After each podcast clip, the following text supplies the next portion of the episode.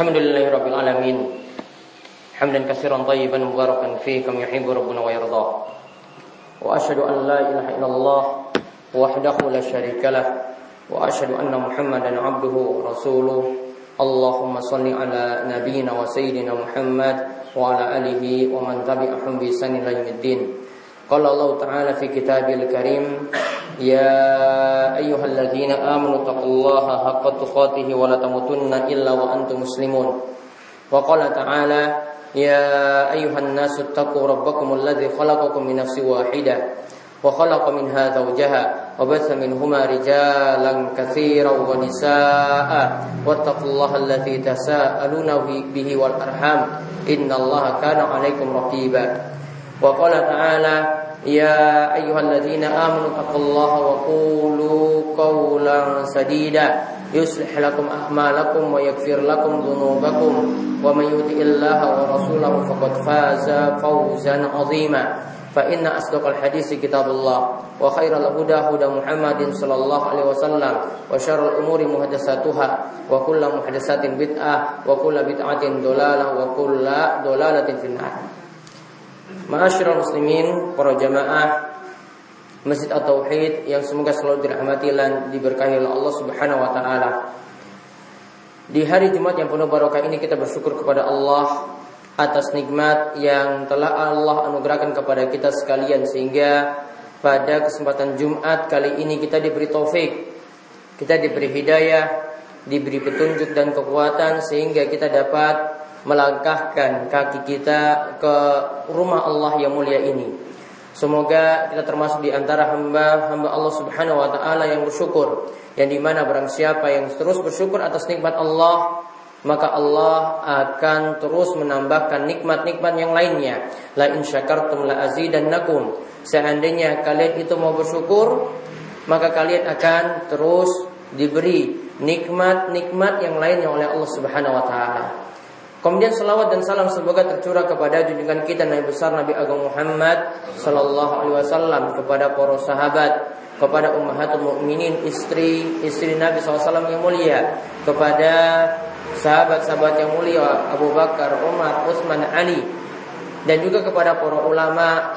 Semoga kita pun dapat mengikuti jalan baik mereka yang telah menempuh jalan yang terbaik dan mereka telah mendapatkan nikmat yang besar ya dan jalan mereka lah yang patut diikuti karena mereka adalah orang-orang yang telah ditetapkan yang mendapatkan nikmat dan selamat dari kesesatan dan juga selamat dari murka Allah Subhanahu wa taala. Ma'asyiral muslimin rahimani wa rahimakumullah. Kita telah memiliki Al-Qur'an yang sebagai petunjuk bagi setiap muslim.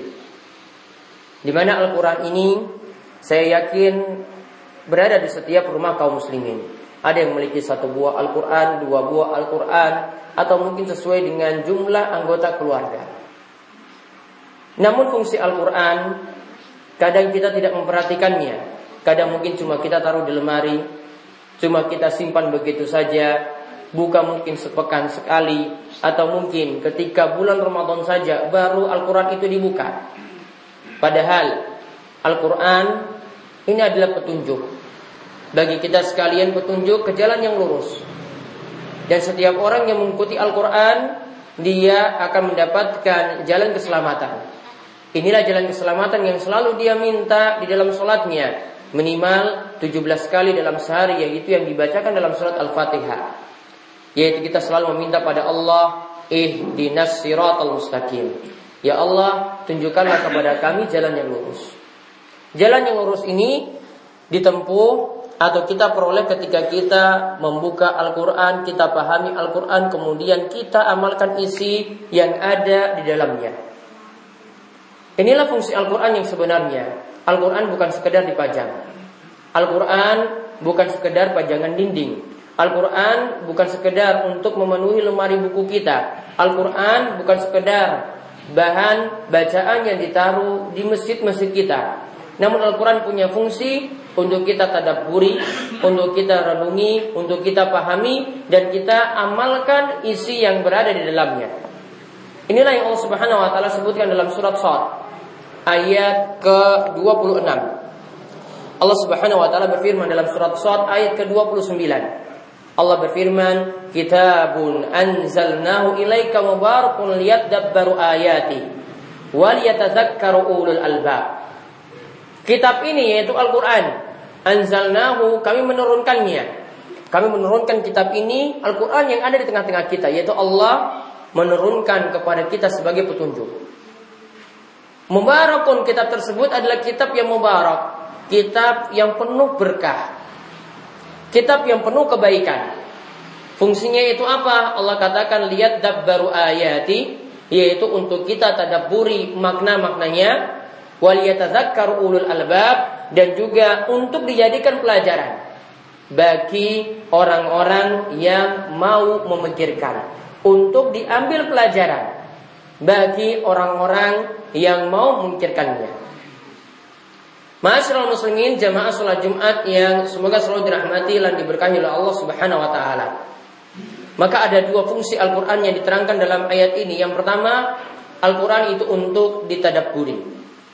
Al-Qur'an kita ketika membukanya maka tujuan kita membukanya adalah kita renungkan isi yang ada di dalamnya. Kita kaji. Kita baca dengan tajwid, dengan bacaan yang benar, kita kaji maknanya. Pahami tafsirannya, pahami terjemahannya, dan kita butuh penjelasan dari para ulama untuk memahami setiap ayat yang ada. Baru setelah itu kita amalkan setiap apa yang disebutkan dalam ayat-ayat tadi. Contoh misalnya ketika kita membaca firman Allah Subhanahu wa taala, "Idza jaa nasrullahi wal fath" wa ra'aitan nasa yadkhuluna fi dinillahi afwaja fasabbih bihamdi rabbika wastaghfir innahu kana tawwaba pada ayat fasabbih bihamdi rabbika wastaghfir innahu kana tawwaba dalam ayat ini diterangkan tentang penaklukan kota Mekah dan ini ada di akhir-akhir Nabi SAW itu menjelang meninggal dunia. Ayat ini menerangkan bahwasanya ketika kaum muslimin sudah meraih kemenangan, maka mereka diperintahkan untuk bertasbih dan bertobat kepada Allah Subhanahu wa taala. Ketika kaum muslimin itu sudah meraih kemenangan, mereka mereka diperintahkan untuk bertasbih dan bertobat kepada Allah Subhanahu wa taala. Kalau kita pahami ayat ini maka penerapannya seperti apa? Penerapannya berarti di antaranya kita diperintahkan untuk bertasbih. Fasabbih bihamdi rabbika wastaghfir. Kita diperintahkan untuk bertasbih, yaitu mengucapkan subhanallah. Ini adalah bacaan juga dalam zikir-zikir kita. Ketika kita selesai dari sholat, kita diperintahkan membaca subhanallah 33 kali, membaca alhamdulillah 33 kali, dan Allahu Akbar 33 kali, dan ditutup dengan bacaan la ilaha illallah wahdahu la syarikalah mulku wa hamdu wa ala kulli syai'in qadir. Penerapannya kita bisa lihat kita diperintahkan membaca bacaan zikir subhanallah dan di antaranya kita baca setelah sholat. Penerapan yang lainnya lagi dalam ayat ini kalau kita pahami maknanya maka kita diperintahkan juga untuk beristighfar. Kita diperintahkan juga untuk beristighfar. Imam Nawawi dalam kitabnya Riyadus Shalihin itu menyatakan bahwasanya dari ayat semacam ini kita juga bisa ambil pelajaran karena ada perintah istighfar dan ini menjelang Nabi Shallallahu Alaihi Wasallam meninggal dunia. Maka bagi orang yang berada dalam usia 60 tahun, bagi orang yang berada dalam usia 60 tahun, Imam Nawawi mengatakan bahwasanya mereka diperintahkan untuk banyak-banyak beristighfar pada Allah Subhanahu wa taala sebagaimana Allah perintahkan kepada Nabi ketika telah menaklukkan kota Mekah diperintahkan untuk banyak beristighfar dan itu tanda sebentar lagi beliau akan meninggal dunia. Maka prakteknya yang bisa kita lihat dari praktek Nabi Shallallahu Alaihi Wasallam, beliau dalam sehari beristighfar sebanyak 70. Dalam riwayat yang lain dikatakan bahwasanya beliau banyak beristighfar kepada Allah Subhanahu wa taala sebanyak 100 kali. Kemudian dalam ayat ini juga kita diperintahkan untuk bertobat. Yang di mana yang disebut tobat sebagaimana dikatakan oleh Ibnu Kasir, ya tobat itu jika memenuhi tiga syarat. Yaitu kata beliau yang pertama menyesali dosa yang telah lalu. Dia pernah minum minuman keras atau dia pernah berbuat kesyirikan dengan memakai jimat-jimat atau mendatangi dukun. Dia menyesali dosa-dosa yang telah dia perbuat. Kemudian dia bertekad lagi untuk kembali taat. Saat ini dia tinggalkan maksiat dan kembali taat. Kemudian syarat yang ketiga, dia bertekad tidak mau lagi mengulangi maksiat tersebut di masa akan datang. Inilah orang-orang yang disebut bertobat dan inilah orang-orang yang Nabi SAW itu sebutkan ya sebaik-baik kalian itu bukanlah orang yang bersih dari dosa. Ya, dan sebaik-baik kalian kata Nabi SAW wa khairul khatta'ina at-tawwabun. Kullu bani Adam khata' wa khairul khatta'ina at-tawwabun. Nabi SAW itu mengatakan setiap manusia itu banyak yang buat salah.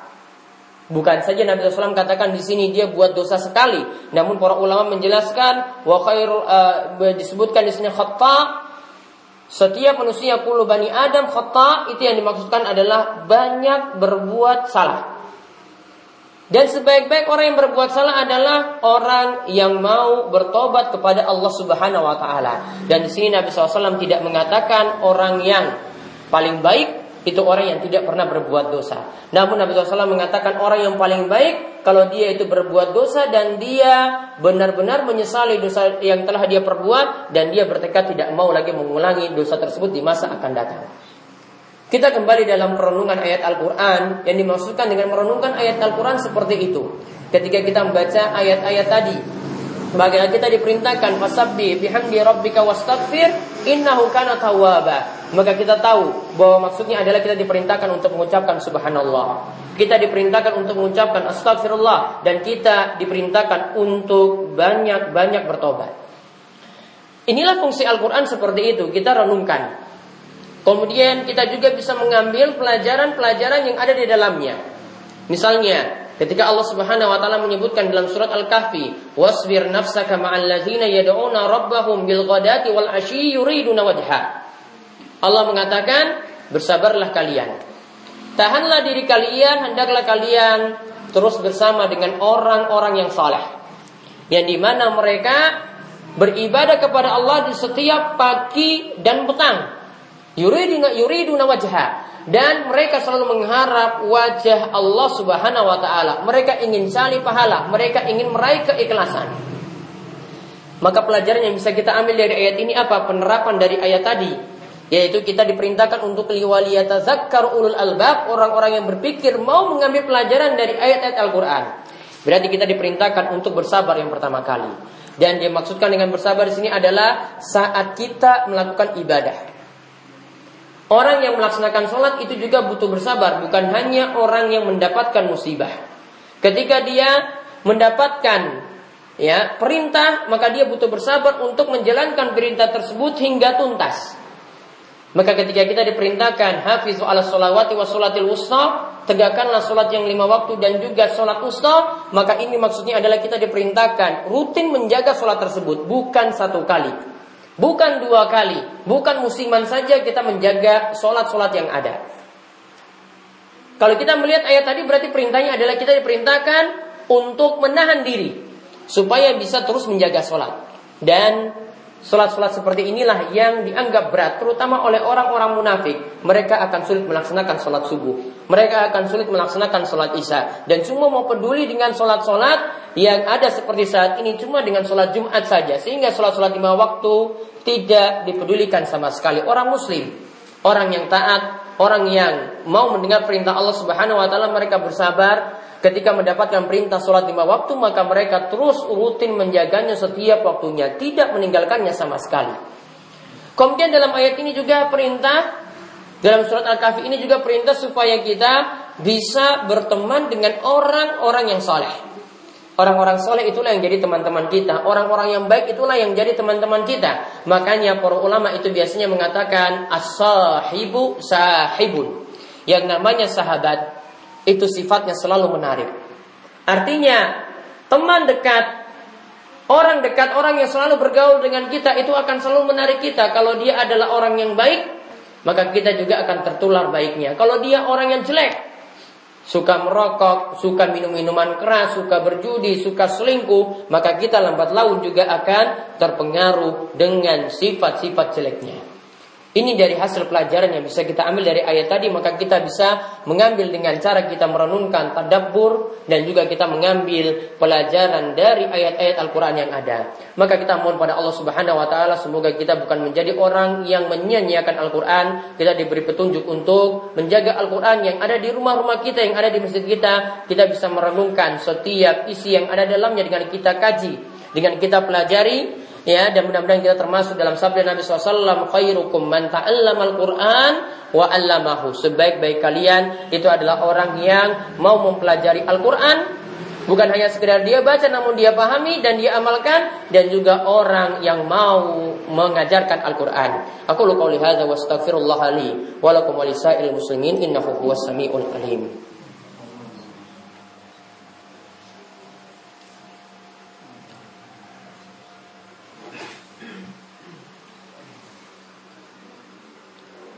Alhamdulillahi rabbil alamin. Hamdan katsiran tayyiban mubarakan fih kama yuhibbu rabbuna wa yardah.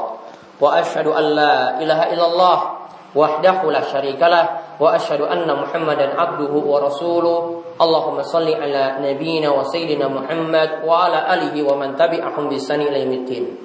Para jamaah, Bapak-bapak dan adik-adik sekalian yang semoga selalu dirahmati dan diberkahi oleh Allah Subhanahu wa taala. Al-Quran tadi sudah dijelaskan, Al-Quran itu begitu sucinya. Sehingga kita diperintahkan untuk berusaha untuk mempelajarinya, mentadaburinya yaitu merenungkannya dan kita ambil pelajaran-pelajaran dalam kitab suci kita. Oleh karena itu karena saking sucinya ketika kita ingin menyentuh Al-Quran maka kita diperintahkan untuk bersuci. Kata Nabi SAW, La ya musul Quran illa tahir. Tidak boleh menyentuh Al-Quran kecuali orang yang suci. Maka saking sakralnya di sini Al-Quran Sebenarnya tujuan utamanya adalah sebagai syifa yaitu sebagai obat bagi kita dan juga untuk kita ambil manfaat yang ada dalamnya. Makanya Al-Qur'an disebut dengan mubarakun. Disebut dengan sesuatu yang ada keberkahan, kebaikan yang banyak di dalamnya. Namun ada beberapa bentuk penyalahgunaan ya dalam uh, menyikapi Al-Qur'an di antaranya Al-Qur'an cuma sekedar jadi pajangan atau Al-Quran dijadikan jimat-jimat. Al-Quran dijadikan sebagai mantra-mantra. Al-Quran dijadikan sebagai mantra-mantra dalam ilmu sihir. Yang benar Al-Quran itu tadi kita kaji. Kemudian memang kita bisa menjadikannya sebagai obat. Sebagaimana kita bisa gunakan sebagai rukyah. Namun Al-Quran tidak boleh disalahgunakan cuma sekedar dipajang, tidak juga dijadikan sebagai suatu jimat seperti yang dilakukan oleh sebagian dari ya orang-orang yang menyalahgunakan hal ini. Maka ada yang misalnya menggantungkan jimat ya berupa tulisan ayat-ayat Al-Quran, mungkin saja ayat kursi, mungkin saja bacaan Al-Fatihah, dia gantung di lehernya. Dengan tujuan apa? Biar tidak diganggu setan. Atau ketika ini pada anak-anak biar anak tersebut juga tidak terkena berbagai macam penyakit. Ini penyalahgunaan dalam masalah Al-Quran dan di antara sahabat Nabi SAW yang melarang hal ini adalah sahabat Abdullah bin Mas'ud.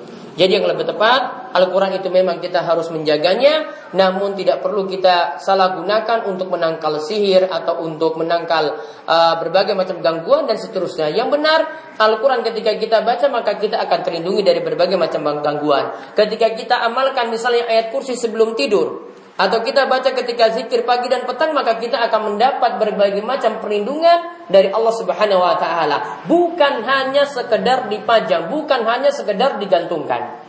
Maka ingat fungsi Al-Qur'an tadi. Al-Quran kita renungkan dan Al-Quran itu kita baca. Maka mudah-mudahan kita bisa memahami hal ini sehingga kita tidak termasuk orang-orang yang menyalahgunakan Al-Quran di antaranya cuma sekedar jadi pajangan atau cuma sekedar jadikan bentuk-bentuk jimat seperti yang ada dalam ritual-ritual pesugihan atau di dalam ritual-ritual yang menjadi wasiat para dukun. Di hari Jumat yang penuh barokah ini kita juga diperintahkan untuk banyak berselawat kepada Nabi SAW dan barang siapa yang berselawat kepada Nabi sebanyak satu kali maka Allah akan membalaskan sebanyak sepuluh kali. Inna Allah malaikatahu salluna ala nabi ya ayyuhallazina amanu sallu alaihi wa sallimu taslima. Allahumma salli ala Muhammad wa ala ali Muhammad kama sallaita ala Ibrahim wa ala ali Ibrahim innaka Hamidun Majid. Allahumma barik ala Muhammad wa ala ali Muhammad kama barakta ala Ibrahim wa ala ali Ibrahim innaka Hamidun Majid. Marilah di hari Jumat yang penuh barokah ini kita manjatkan doa pada Allah. Moga-moga Allah memperkenankan setiap doa doa kita. Allahumma fir muslimina wal muslimat wal mu'minina wal mu'minat al ahya'i minhum wal amwat innaka sami'un qaribun mujibud da'wat. Allahumma qsim lana min khasyatika ma tahulu bihi bainana wa baina ma'siyatik wa min ta'atika ma tuballighuna bihi jannatak wa min al yaqini ma tuhawinu bihi alaina masa'ib dunya. Allahumma mati'na bi asma'ina wa absarina wa quwwatina rabbana ma ahyaitana waj'alhu warisa minna waj'al sa'rana ala man zalamana wansurna ala man adana wala taj'al musibatana fi dinina wala taj'al ad-dunya akbara hammina wala mublagha ilmina wala tusallit alaina man la yarhamuna Oh, ya Allah, ya Rob kami, ampunilah segala dosa-dosa kami. Ya Allah, ya Rob kami, ampunilah segala kesalahan-kesalahan kami. Jadikanlah kami sebagai hamba-hambamu yang rajin beristighfar, yang rajin untuk bertobat, dan juga kembali taat kepadamu. Ya Allah bimbinglah kami Bimbinglah kami semua untuk menjalankan kewajiban-kewajibanmu. Berikanlah kami taufik dan hidayah untuk menjaga sholat lima waktu. Berikanlah kami taufik dan hidayah untuk menjaga kewajiban-kewajiban yang lainnya. Ya Allah, bimbinglah juga keluarga kami. Ampunilah juga dosa dari istri-istri kami dan juga anak-anak kami. Dan berikanlah kami semua petunjuk untuk membina keluarga kami menjadi keluarga yang sakinah, keluarga yang mewadah, keluarga yang penuh rahmat di dalamnya. Ya Allah, turunkanlah keberkahan kepada negeri kami ini. Ya Allah, turunkanlah banyak kebaikan kepada negeri kami ini.